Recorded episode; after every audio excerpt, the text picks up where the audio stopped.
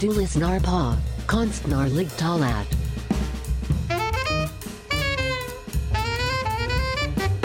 En podcast från Högskolan för scen och musik.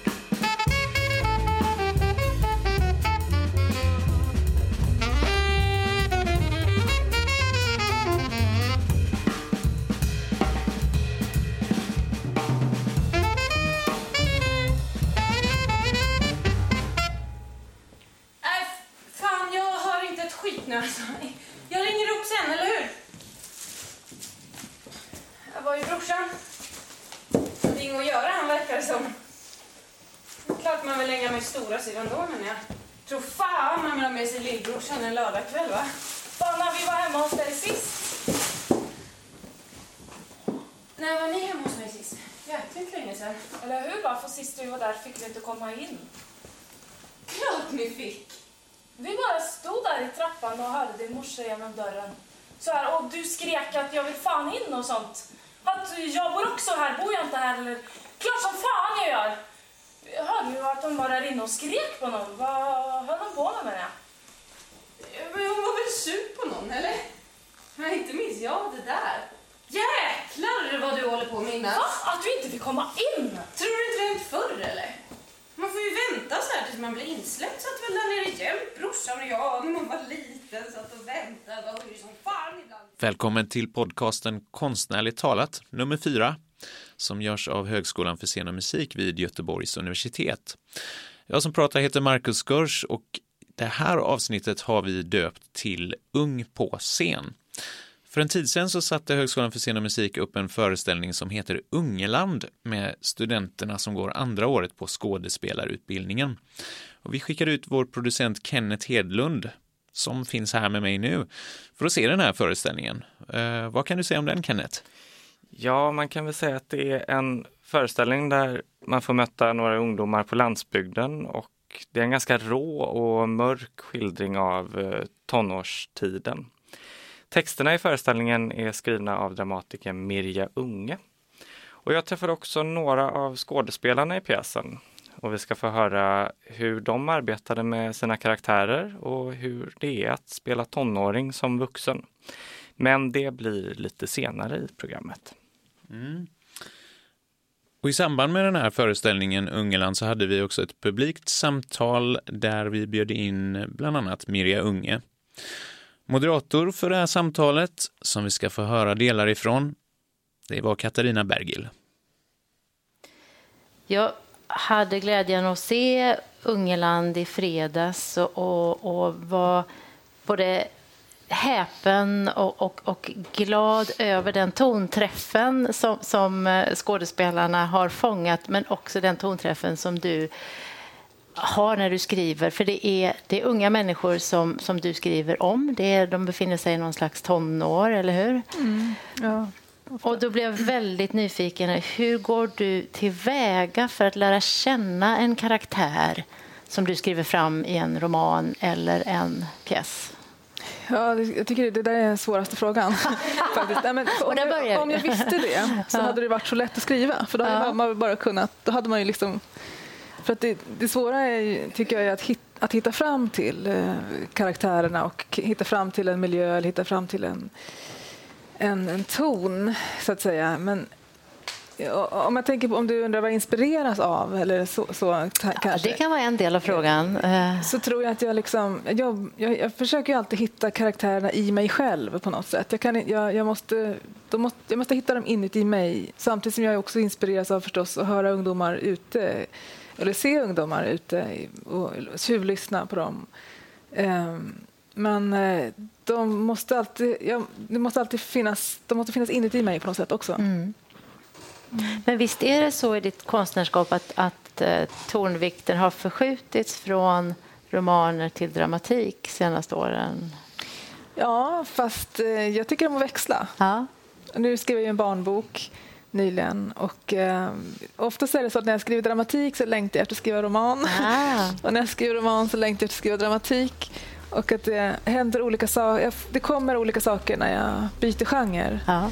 Att genren liksom eh, utmanar mig på något sätt.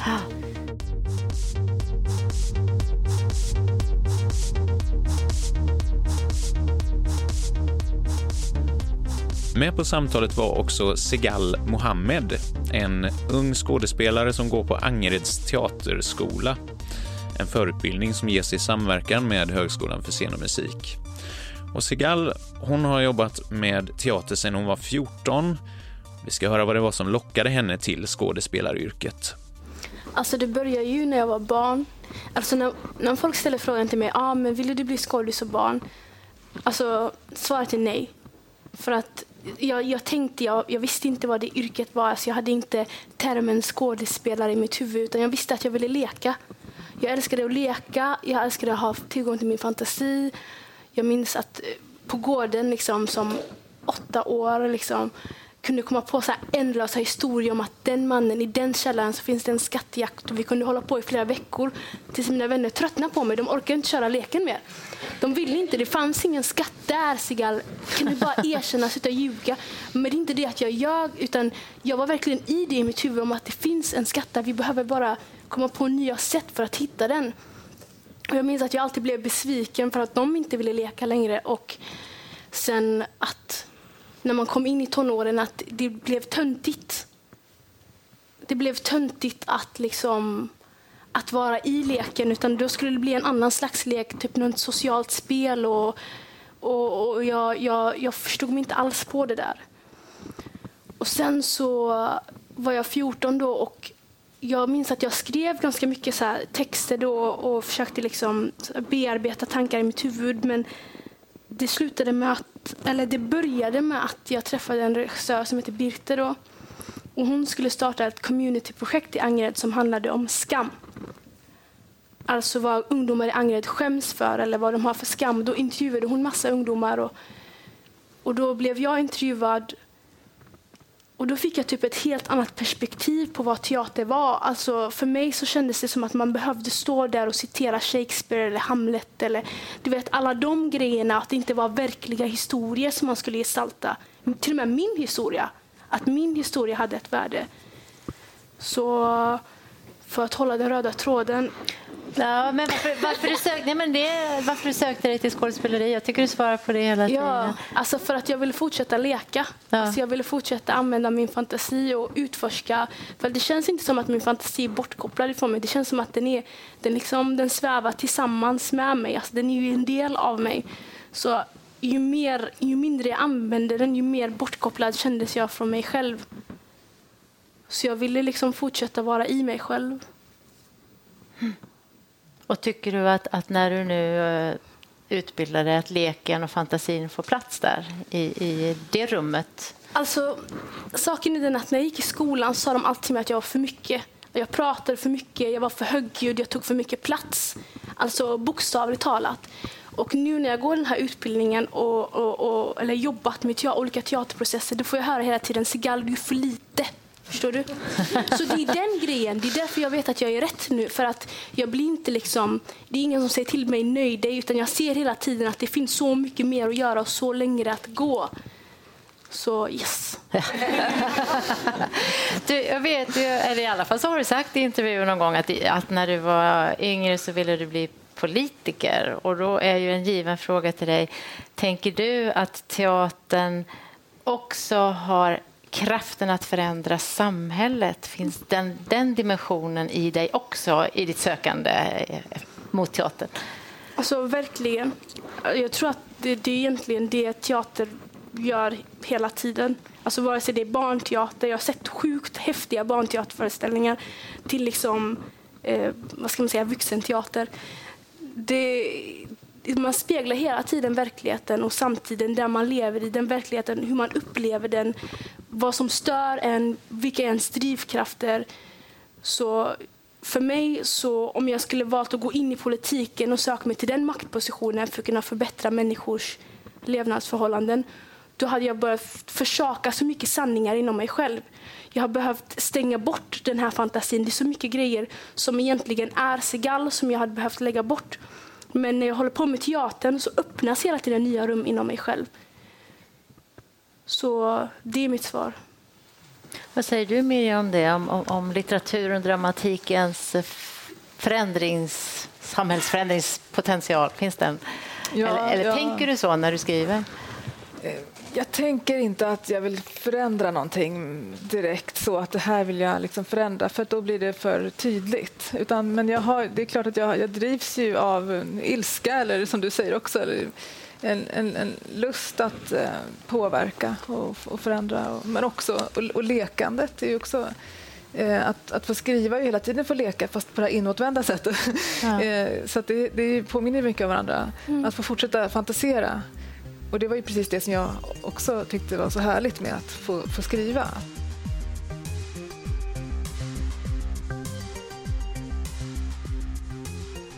Regissör för pjäsen Ungerland var Mia Höglund Melin, som också är en tidigare student här på skådespelarprogrammet.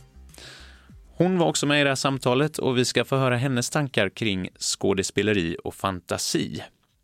Och tyvärr så blev det lite trassel med ljudet här, men hon säger väldigt bra saker, så håll ut. Ljudet blir strax bättre.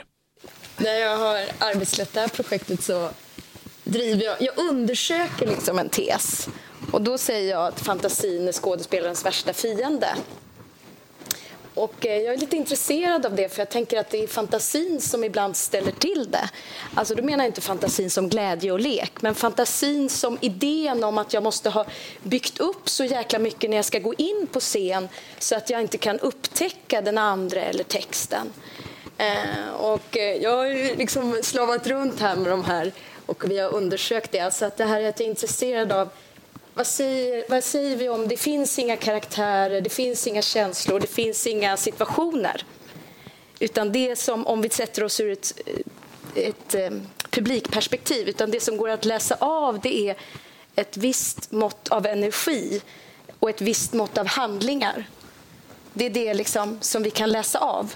Och när vi läser av dem, om jag låter en student gå in och säger du ska öppna den där dörren så ska du gå in och dricka ett glas vatten och sen går du ut. Och så säger jag att du får göra det med studsig energi. Och så gör den det. Så kommer ni säga så här. "Ah, Gud, det handlar om det här och det här och det här. Nej, det handlar om det här och det här. Och det här. "Ah, Nej, för mig var det så här. Eh, och det där är ett sätt att befria skådespelaren, tänker jag. Befria den från att liksom, det är publiken som sitter på fantasin. Det, är inte, det är inte jag som behöver göra det. Och för mig är det ett väldigt spännande sätt att jobba. För det gör också att det här här och nu blir så oerhört viktigt. Och om jag utför de här, ett, varje enskild handling. Och för mig var det en stor sak när någon sa så här, men vad då spela teater? Man kan inte göra en omelett liksom. Man kan knäcka ett par ägg, man kan vispa, man kan tillsätta salt, man kan röra och så blir det en omelett. Men spela inte omeletten. Liksom. Och det där är jag lite intresserad av. Och det tycker jag för mig är frigörande. Och det har vi undersökt. Liksom. Mm. Det här, man hade massa bakgrundshistorier när jag gick här på skolan. Och, aha, jag gör en karaktär och hon har inte sovit på hela natten. Och, eh, hon är gift med någon som har och hon gillar hundar och eh, hon har det här i fickorna. Och så gick jag in så här med all min fantasi. Och så bara, men när ska jag spela fram det här? Hur gör jag mig så här lätt och viktig på scen så att jag bara ska spela det där lilla kornet när det precis behövs? Och strunt i det liksom. Så ja, jag är liksom nyfiken på det där. Jag är inte säker men eh, jag undersöker det och tycker att det är spännande att tänka på teater som att det inte är så mycket fantasi.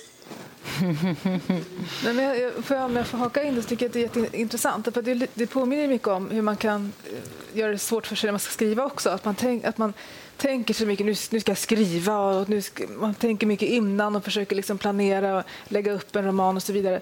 Medan det i själva verket tycker jag handlar mest om att eh, våga släppa kontrollen och vara i det som kan hända. Och det är då det är spännande att skriva också, för då kan det komma vad som helst som jag inte har någon aning om vad det är.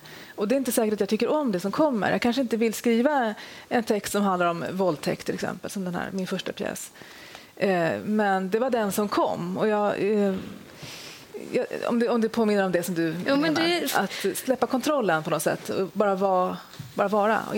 Och, då, då blir fantasin en, eh, ett hinder, förstår jag. Men, Ja, det kan liksom stå över, alltså det här också att utsätta sig för den andra.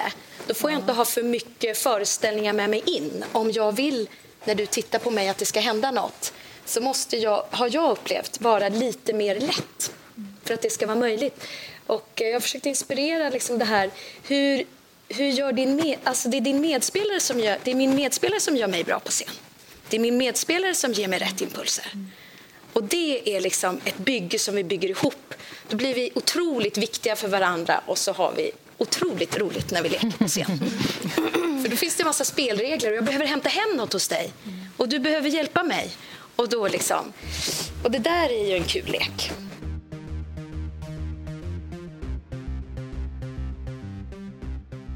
Du lyssnar på Konstnärligt talat och avsnittet heter Ung på scen. Och nu ska vi få träffa en av skådespelarna i Ungeland, Mårten Wang Simonsen, som spelade Danny i föreställningen. Jag heter Mårten Wang Simonsen och jag går på scenskolan här i Göteborg på inriktning skådespeleri och jag går på mitt andra år just nu. Ungeland handlar om unga människor som går typ högstadiet um, som har problem ofta med grupppress eller mobbning eller um, hur man ska bli populär eller hur man ska passa in. Och för mig blev att passa in huvudtema för min karaktär, också vad jag tyckte pjäsen handlade om. Att de, de kämpar alla jättehårt för att passa in i den sammanhang de nu är i. Ehm, jag är ju själv eh, 26 år gammal och jag tänkte att Danny han var 15, 14 och eh, något av det första vi frågade Mia om det var att gestalta ett ungt människa ehm, och jag, eh, jag brukar jobba så att jag går på gatan och kollar folk. Jag gick i Norrstan och kollade efter eventuella Dannys. Ehm, som jag kunde sno lite ifrån. Och så kom vi tillbaka till Mia där. Uh, eh, jag hade tänkt på sån lite goth person, personligheter som går i stora svarta kängor och uh, helt svart hår och lyssnar på Marilyn Manson eller någonting sådär. Och det hon sa var att nu har vi hittat en attityd och det är på ett sätt helt fel. För nu har man sån ett, jag måste passa in i den här karaktären. Uh, istället för att utveckla karaktären själv. Och den metoden var mycket mer simpel. Det hon föreslog var att spela det helt som var du där själv. Men de replikerna som står skrivet är skrivet till en tonåring som har problem. Och om man bara går in i det, då kommer karaktärerna stå fram. Um, jag tänker, när publiken kommer så kommer de ju att se att vi liknar inte tonåringar superbra. Uh, vi är lite för gamla allihopa som vi försöker att sträva efter att likna mer. Uh, till exempel att sminka finnar på, på huden eller sådär. Kommer det framstå som att vi gör en parodi, alltså det blir komisk. Men om vi liksom avtalar med publiken, vi är tonåringar för vi säger vi är tonåringar. Så kan man slappna av och acceptera det. Och så kommer det att framstå mycket mer relevant. Så på ett sätt så behövs man inte jobba så hårt ibland.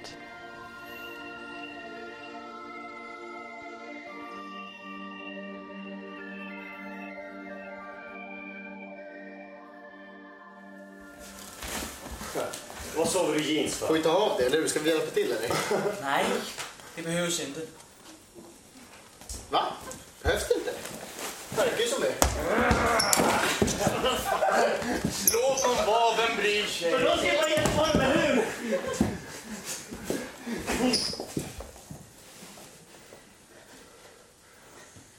Vad är trosor för?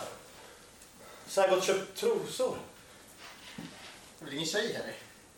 Va? Vill du vara tjej? Jag vet inte. Är ju kille, fattar du inte det?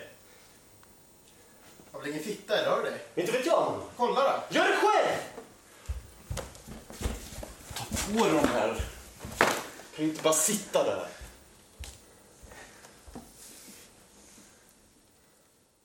Eh, Mia, du är ju eh, gästlärare här eh, och ibland när vi anlitar gästlärare som ska göra eh, en produktion ihop med studenter så kallar vi dem pedagogisk regissör eller sådär. Vad tänker du är skillnaden mellan att vara pedagog och regissör inför en klass som sen ska presentera ett arbete inför en publik? Ja, men jag, tänker, jag har ju regisserat några gånger det där när man regisserar, inte är pedagog utan där alla har betalt. och då tänker jag sådär att den stora skillnaden är som regissör i ett sånt uppdrag är jag till för publiken. Jag är till för att göra val som ska gagna publikens upplevelse. Men när jag är gästpedagog, regissör, regissör som är det här så är det faktiskt inte publiken, tyvärr inte ni som är, ni är här för oss idag när ni kommer se oss arbeta. Att det är liksom, de, de är ju här för att de ska, alltså det här också, att kanske inte resultatet är det som är huvudnumret utan det är det som vi kanske inte ens kommer få se. Det som trillar ner. Och då kanske som regissör kanske man, ah, det här funkar inte då klipper man bort eller man löser på något annat sätt. Eller man stryker någons replik eller man stoppar in en gris istället som de sa att Lennart Ljudström gjorde när det var dålig, dåliga skådespelare eller något inte funkar eller scenografin. Så, så, så hade han någon så här knep sa de att han satte in ett levande djur. För då blev publiken jätteintresserad. Nej, men att det här att, att då är det verket, men nu är det ju vi liksom, och vi ska ju utvecklas och de tillsammans. Så då, då tänker jag att det är något annat som är fokus som, som handlar om det, processen. Liksom. Mm. Och den är inte alltid avläsbar, mm. det som pågår. Mm. Men det är en stor fråga om, när man gör såna här saker om resultat och kunskap. Att man kan ha fått en massa kunskap men det går inte att avläsa som resultat. Och man kan göra en massa resultat utan att ha fått kunskap. Och där, där är ju, tycker jag, dilemmat som pedagog. Att hitta den där avvägningen att inte pressa någon att göra något bara för att det ska se bra ut eller bli så där som man har tänkt sig. Utan hur, hur, hur ser det här relationen ut kring vad det blev och vad du har fått med dig? Mm. Det tycker jag är ständiga. Och det går hem med de här studenterna i huvudet. Fan, hur blev det nu då? Mm. Ja, men mm. det, det är en mm. liksom Spännande. rolig utmaning. Mm. HSM har ett, ett eh, jubileumsår när, när skåd, eller scenutbildningarna firar 75 år, musikutbildningarna firar 100 år och temat för det här jubileumsåret är då, nu, sedan. Om man tittar, tänker på sedan, eh, Segal, om du fick visionera om en framtida treårig skådespelarutbildning i Göteborg. Hur skulle den se ut? Alltså... Främst så skulle den vara mycket mer tillgänglig. Um, den skulle inte vara placerad på en plats i Göteborg utan den skulle ha olika... Jag, varit utdelad på olika platser runt om i Göteborg och inte um, fokusera främst på att allting ska vara i centrum för att flest människor som har råd att gå på teater bor i centrum men det är konstnärer är oftast inte rika. Alltså om man tänker ur ett ekonomiskt perspektiv. Så att de skulle mer vara där alltså den största, inte gräsrotsrörelsen eller där den alltså konstnärliga rörelsen är som starkast. Vi säger att om det är väldigt mycket lyrik som kommer ur platser som Bergsjön eller Angered så att, man, att det sker ett samarbete där och att man konstant arbetar med de verksamheter som finns där för att plocka upp och hitta olika elever som inte har elever eller föräldrar som har en fot in i kulturbranschen. Så att det mm, mm, tillgängligheten skulle vara det största för mig. Och sen också att skolorna i sig, alltså att lärarna som går där också har varierade olika bakgrunder. För att det är en sak att bli tillåten att gå på en skola, eller tillåten att få komma in på en skola, men det är en annan sak att sen kunna identifiera sig med de människorna och de lärarna som är där. Och med identifiera sig så menar jag inte bara alltså, hur de ser ut, jag pratar inte bara om kroppar, jag pratar om erfarenheter. Alltså, att våga att vilja bära upp sin egen historia om man har någonting man verkligen vill skriva och har i sitt huvud men ska gå och prata med någon som inte alls har en erfarenhet av det. Som inte känner att de... Om jag går till en lärare som jag inte känner kan alltså, lägga till eller påverka eller hjälpa mig att upplyfta det jag håller på att skriva så... Mm.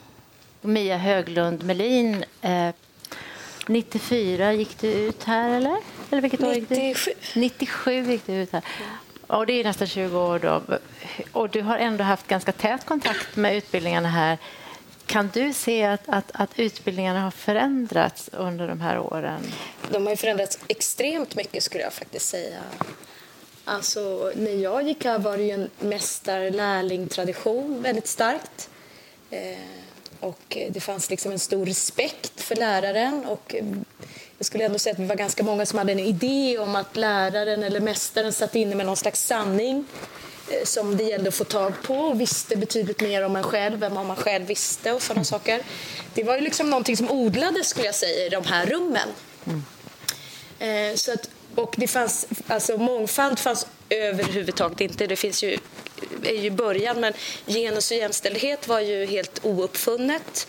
Vi gjorde ju liksom improvisation, så här sex, man skulle handla om improvisation, man skulle vara sexig.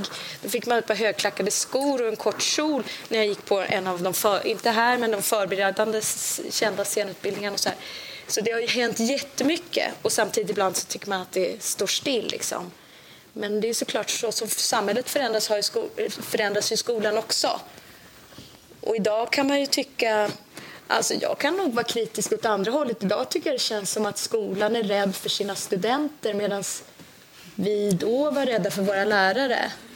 Så tänker jag nu, så här, att, att det finns någon slags lite rädsla för, och det tror jag sitter i ett ekonomiskt system, att de ska ut, man får inte betalt förrän de är färdiga. Och hur ska, alltså jag, tycker det finns en annan problematik nu. Liksom, Men att, det måste du utveckla. Ja, men också så här, vad, vad ska jag, vad, att jag kan få studenter som kommer och säger varför ska jag gå den här kursen, vad får jag ut av det? Aha.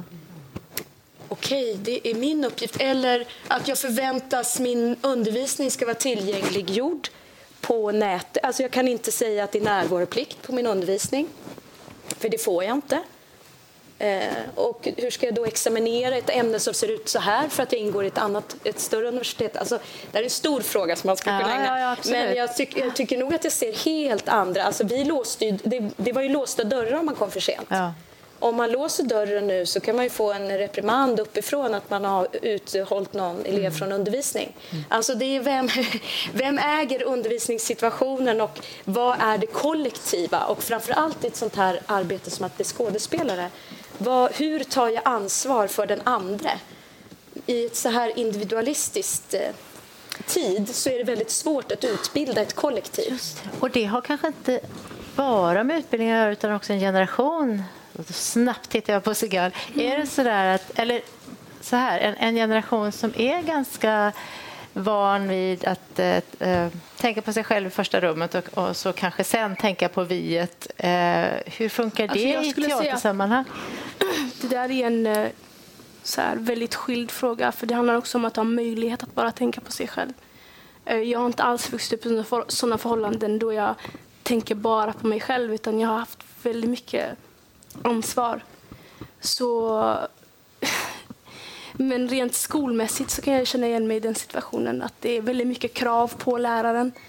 Ehm, och att eleven har mer att säga till om. Eh, och så.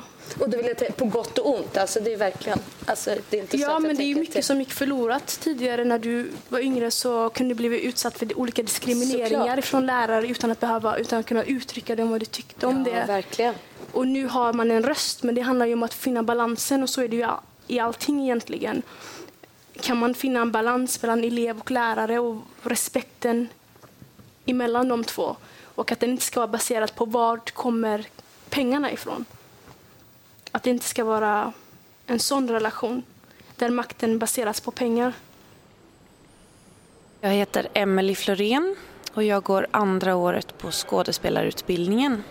Ja, alltså min karaktär i Ungeland heter eh, Mariella och hon är väl en, eh, hon är en stark överlevare skulle jag säga. Att hon, hon har liksom, hon, har, hon är väldigt street smart och har eh, har hittat strategier för att undgå att visa svaghet.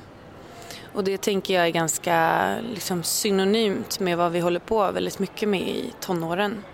Att vi har olika, liksom, att det är på något sätt det här djuriska är så, så, så starkt då. Um, så att vi måste visa oss starka och ha en väldig kunskap kring vad styrka är. Liksom. Vi har ju gått in i det här arbetet som att inte fokusera egentligen på att spela tonåringar. Eh, och det tror jag är väldigt bra att förstå att vi är de vi är. Men med förkunskapen om att vara tonåring så, så ligger det ändå ganska latent på något sätt.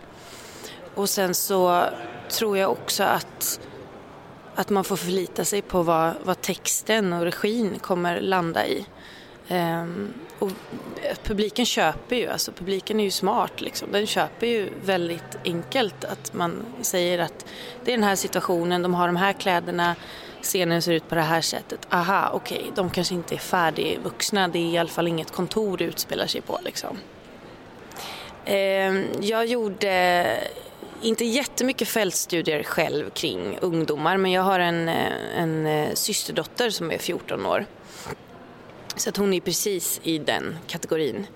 Ehm, och eh, eftersom jag har en nära relation till henne så vet jag ganska mycket om vad som försiggår liksom, och känner mig ganska hyfsat uppdaterad men uppfattas säkert som en eh, fossil i hennes ögon ändå. Men jag tittade på tonåringar ute på stan och liksom med kroppsspråk och försöka lite grann men inte, inte anamma det så att det blir krystat utan ändå försöka hålla någon slags renhet i det och inte kompensera alldeles för mycket med kroppen utan att försöka förstå att, att det manuset som Miri Unga har skrivit tycker jag är så fantastiskt talande i sig så att man kan förlita sig väldigt mycket på att det kommer fram liksom den här osäkerheten att, att säga något, ta tillbaka det eh, och liksom hela tiden svamla på något sätt. Och försöka överleva. Ni i publiken, ni kommer ju snart att, eh, många av er att, att se Ungerland, så jag tänker vi ska avsluta och prata lite grann om själva projektet, produktionen och tematiken. Och, och Mirja, i dina texter så är ju någon slags underströmmar hela tiden våld eller hot om våld. Och du, och, och, och du, eller ju, säger jag. Eh, jag läser det så. Och varför är du så intresserad av att skildra unga människors mörker? Ja. Eh, varför är det? För det är verkligen genomgående, ja, eller hur? Det kanske Visst är det. är det så? Ja, det är ju ingenting som jag planerar eller tänker innan. Men eh, jag, eh, jag, jag har varit intresserad av att skildra den här brutala eh, tonårstiden som jag tycker ofta som jag ser omkring mig och som också, också bär i mig. Liksom, att det, det är jäkligt hårt eh, att vara tonåring och vara ung. Och det, att bli, bli kvinna, till exempel. Att, eh, hur, hur ska man kunna bli eh, kvinna i de här, särskilt jag har ju placerat mina, de har ju varit på landet i en ganska eh, grabbig miljö där liksom eh, nästan känns som att det är omöjligt att, eh, att hitta liksom en, en, en eh, kvinnlig identitet som, är, som känns som en själv. Mm. Jag har liksom inget svar på varför jag har eh, Just nu skriver jag inte om det, men jag gjorde ju det. De här pjäserna kom ju för några år sedan. Mm. Då höll jag på mycket och undersökte det. Mm. Mm. Men du tänker på tonårstiden som en, en, en äh, ganska brutal period i en människas liv? Ja, jag tänker på. Jag tänker det, som, det är en sorts kris, äh, tänker jag, en krisperiod i livet. Mm. En, äh, så ja, mm. det gör jag nog. Jag vet inte vad ni... Ja, vad säger ni andra om det? Jo, men det är bara att instämma. När man har jobbat med det här materialet, alla går ju bär på de här historierna och antingen har man varit liksom utsatt för något eller varit den som backade av eller sett något. Alla äger ju de här historierna ihop och alltså hotet om utanförskapet och eh, längtan att få höra till. Mm. Den liksom. Sigal, vad säger du om detta? Har du alltså, jag tror att man inte kan komma ifrån ett mörker i tonåren. Man får ju jag tänker på hur mycket jag, alltså vad jag brukade skriva under tiden jag, jag befann mig då. Alltså, det var ju så mycket som man inte fick säga. Du vet, när man väl slutade leka och, och, bara skulle bara vara i den här kroppen och tänka på hur andra såg. Det var så mycket som man inte fick utrymme och lov att säga. Så att det var så mycket tankar som bara gick runt i ens huvud. Och särskilt att man mådde dåligt. Alltså det fanns ju inte tid för att prata om att må dåligt eller att vara deprimerad eller att ha sjuk, alltså en sjuk förälder. Eller alltså, det var inte så mycket man behövde få ur sig. Så jag tror att jag tror att det är ganska vanligt att många bär på väldigt mycket tungt. Och ett sätt för mig att hantera det, det var teatern och det var skrivandet. Den föreställningen som jag skrev som heter Två sanningar, där jag och en vän som båda blev vänner under den perioden vi mådde som sämst. Det var så starkt för att det fanns, jag skulle inte säga att den föreställningen, du kommer inte gå därifrån efter du har sett den och, och, och, och tycka att du är världsbäst. Det kommer vara lite som jag har ont i magen men samtidigt så kommer du ha leende på läpparna för att det är så livet är. Det är både lika mycket mörkt som det är lika mycket ljust och man måste finna balansen i det. Och tonåringen är väl liksom att gå igenom det mörka för att hitta det ljusa. Alltså.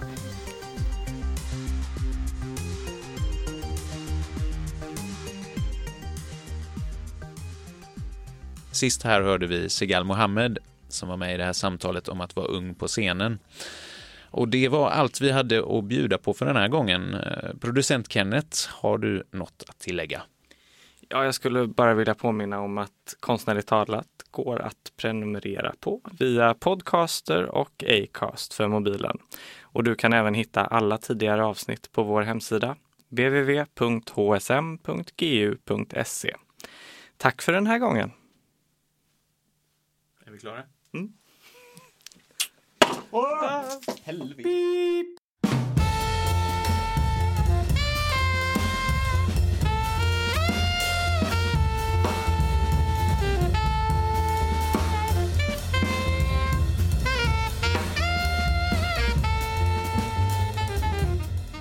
Du har lyssnat på Konstnärligt talat, en podcast av Högskolan för scen och musik vid Göteborgs universitet. De som har gjort programmet är programledare Marcus Gurs och producent Kenneth Hedlund. Signaturmelodin som du hörde är gjord och framförd av Martina Almgren, Thomas Järdelund och Thomas Markusson med Oskar Karlsson som tekniker. Och övrig musik i programmet är gjord och framförd av Nikolaus Sparding. Vill du veta mer om Högskolan för scen och musik, gå in på vår hemsida www.hsm.gu.se. Tack för att du har lyssnat. Tack för att du har lyssnat.